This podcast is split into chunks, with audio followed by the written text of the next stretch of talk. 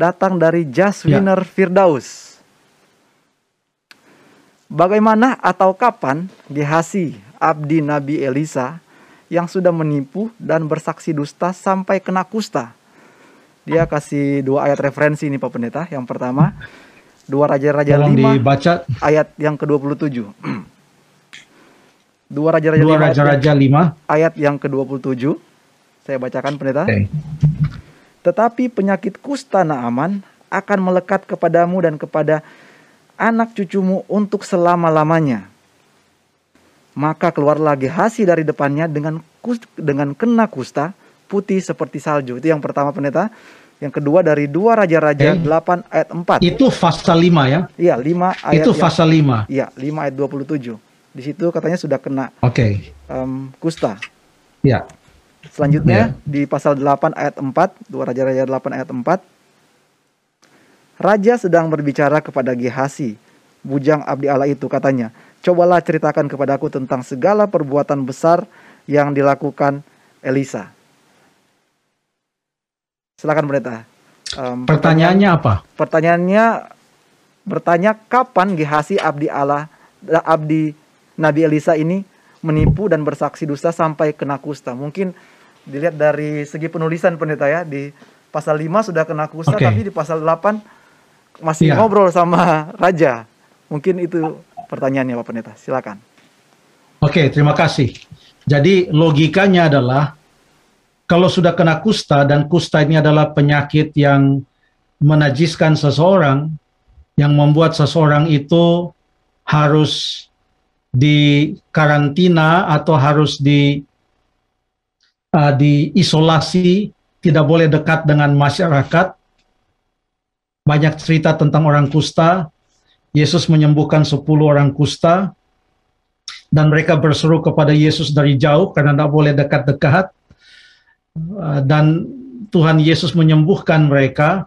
Ada juga penyembuhan orang kusta yang ada di uh, zaman kerajaan uh, Israel, di mana mereka di oh, apa namanya orang Israel itu di dikepung oleh kerajaan Aram.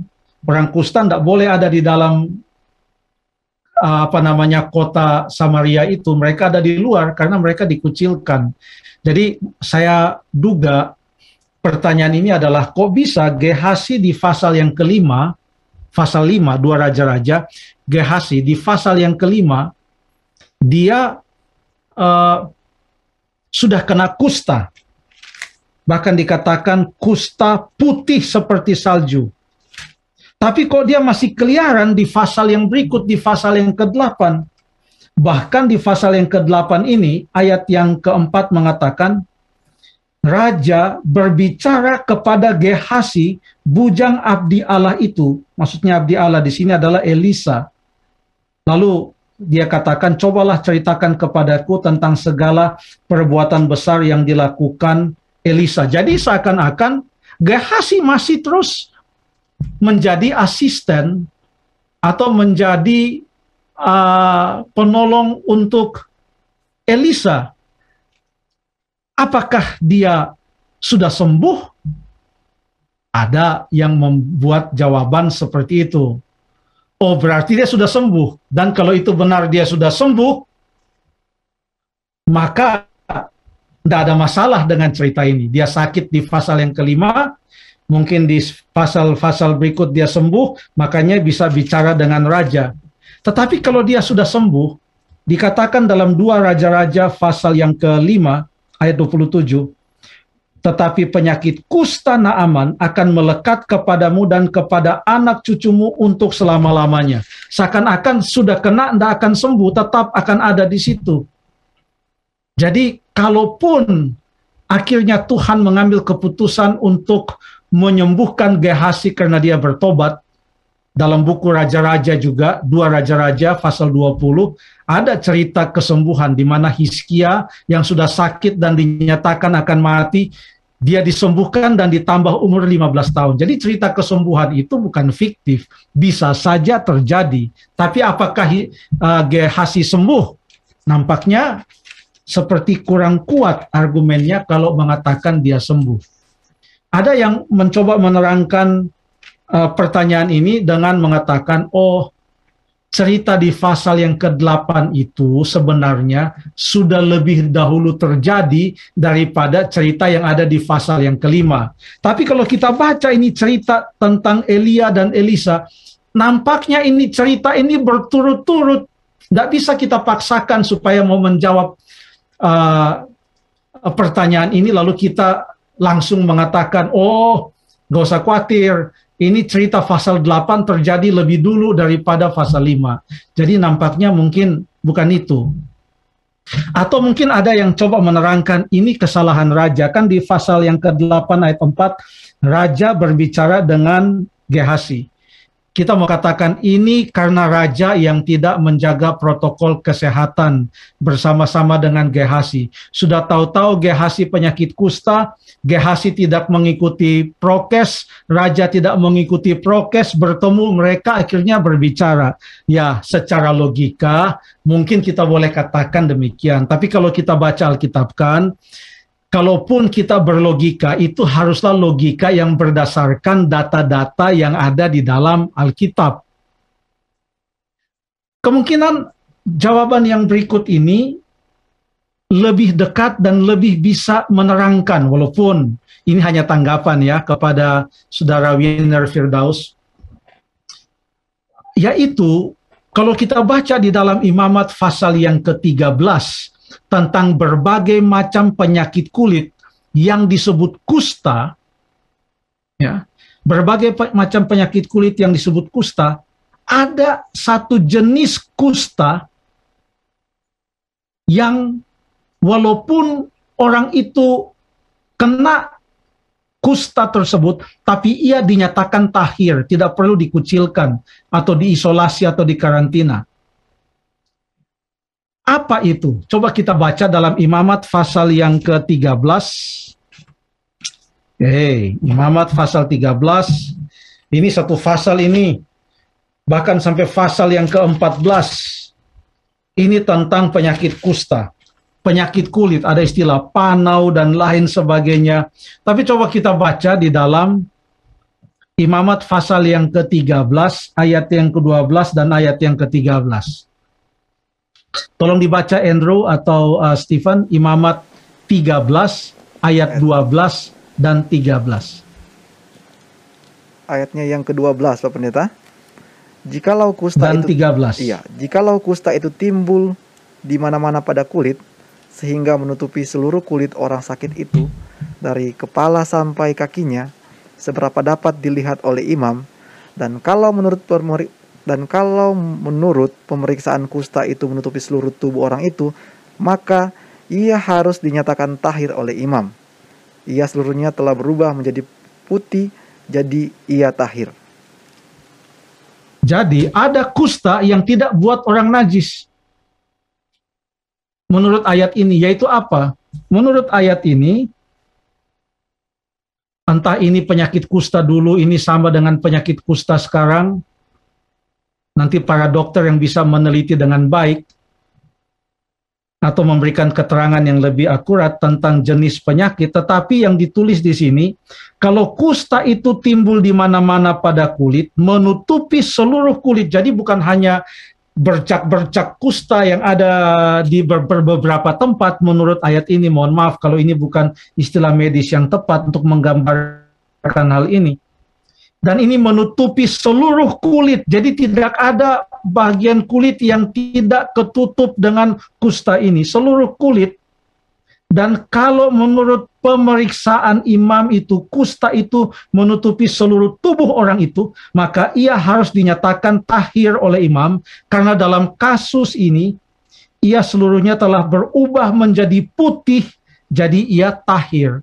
Tetapi tetap berubah karena semuanya ditutupi oleh kusta yang warnanya putih. Kusta yang warnanya putih menutupi seluruh tubuh. Maka itu tidak tahir. Kusta seperti apa yang dialami oleh Gehasi? Kita baca lagi. Di dalam dua raja-raja pasal yang kelima ayat yang ke-27 tetapi penyakit kusta Naaman akan melekat kepadamu dan kepada anak cucumu untuk selama-lamanya. Jadi sangat spesifik. Kusta yang dialami oleh Gehasi haruslah bukan kusta yang lain-lain, tetapi kusta seperti kustanya Naaman. Sangat spesifik. Lalu betul, setelah dinyatakan dia akan mendapatkan kustanya Naaman, mohon maaf saya minum dulu. Setelah dikatakan bahwa ia akan mendapatkan kusta Naaman, maka yang terjadi apa? Menurut ayat 27 ini, dua Raja-Raja 5, maka keluarlah Gehasi dari depannya dengan kena kusta putih seperti salju. Wah, nampaknya ini putih seperti salju. Ini mirip dengan gambaran yang ada di dalam Imamat pasal yang ke-13 ayat 12 sampai 13 di mana seluruh badannya putih. Jadi kayak ganti kulit.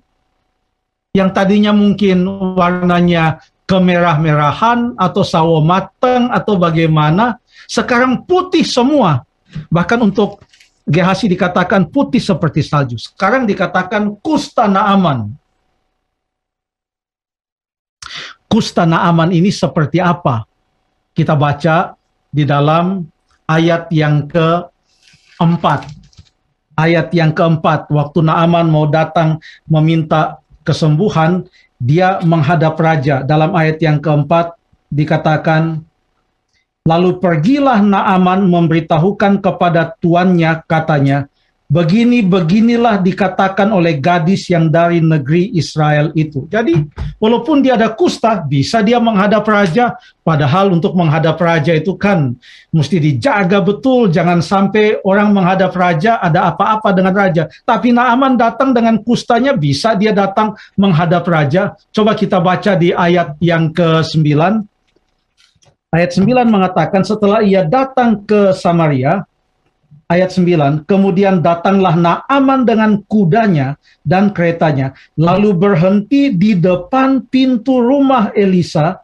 Lalu ayat 10, Elisa menyuruh seorang suruhan kepadanya mengatakan, pergilah mandi tujuh kali. Jadi berhenti di depan pintu rumah, pintu dibuka, suruhan itu datang. Jadi sepertinya uh, penyakit yang bisa bertemu dengan orang lain. Bahkan Naaman juga datang dengan pengawal-pengawalnya. Lalu kemudian coba kita baca di dalam ayat yang ke-14 setelah Naaman sembuh. Naaman sembuh, maka turunlah ia membenamkan dirinya tujuh kali dalam sungai Yordan sesuai dengan perkataan abdi Allah itu. Lalu pulihlah tubuhnya seperti tubuh seorang anak dan ia menjadi tahir. Maka pulihlah tubuhnya. Kustanya bukan hanya ada di satu dua tempat, tapi seluruh tubuhnya. Ia mencelupkan diri tujuh kali di dalam sungai Yordan. Pulihlah dia seperti katanya tubuh seorang anak. Ada ayat yang mengatakan tentang uh, Daud waktu dia menggembalakan dan dia dipanggil ceritanya di dalam buku 1 Samuel Mungkin coba kita baca saja 1 Samuel pasal yang ke-17. 1 Samuel pasal yang ke-17 ayat yang ke-42 mengatakan Ketika orang Filistin itu menunjukkan pandangannya ke arah Daud serta melihat dia, dihinanya Daud itu karena ia masih muda. Jadi karena dia masih muda, dikatakan kemerah-merahan dan elok parasnya. Jadi kemerah-merahan. Jadi kalau dikatakan Naaman ini kulitnya seperti kulit bayi, ya beda dengan kulitnya yang sebelumnya di mana seperti salju putihnya. Itulah kusta yang dialami oleh Gehasi. Dengan sedikit keterangan ini, maka jawaban yang lebih dekat dan lebih punya dasar Alkitab adalah Gehasi mendapatkan suatu jenis kusta seperti yang dituliskan dalam Imamat 13 ayat 12 13 yang tidak mengharuskan dia untuk dikarantina atau diisolasi atau dikucilkan. Terima kasih.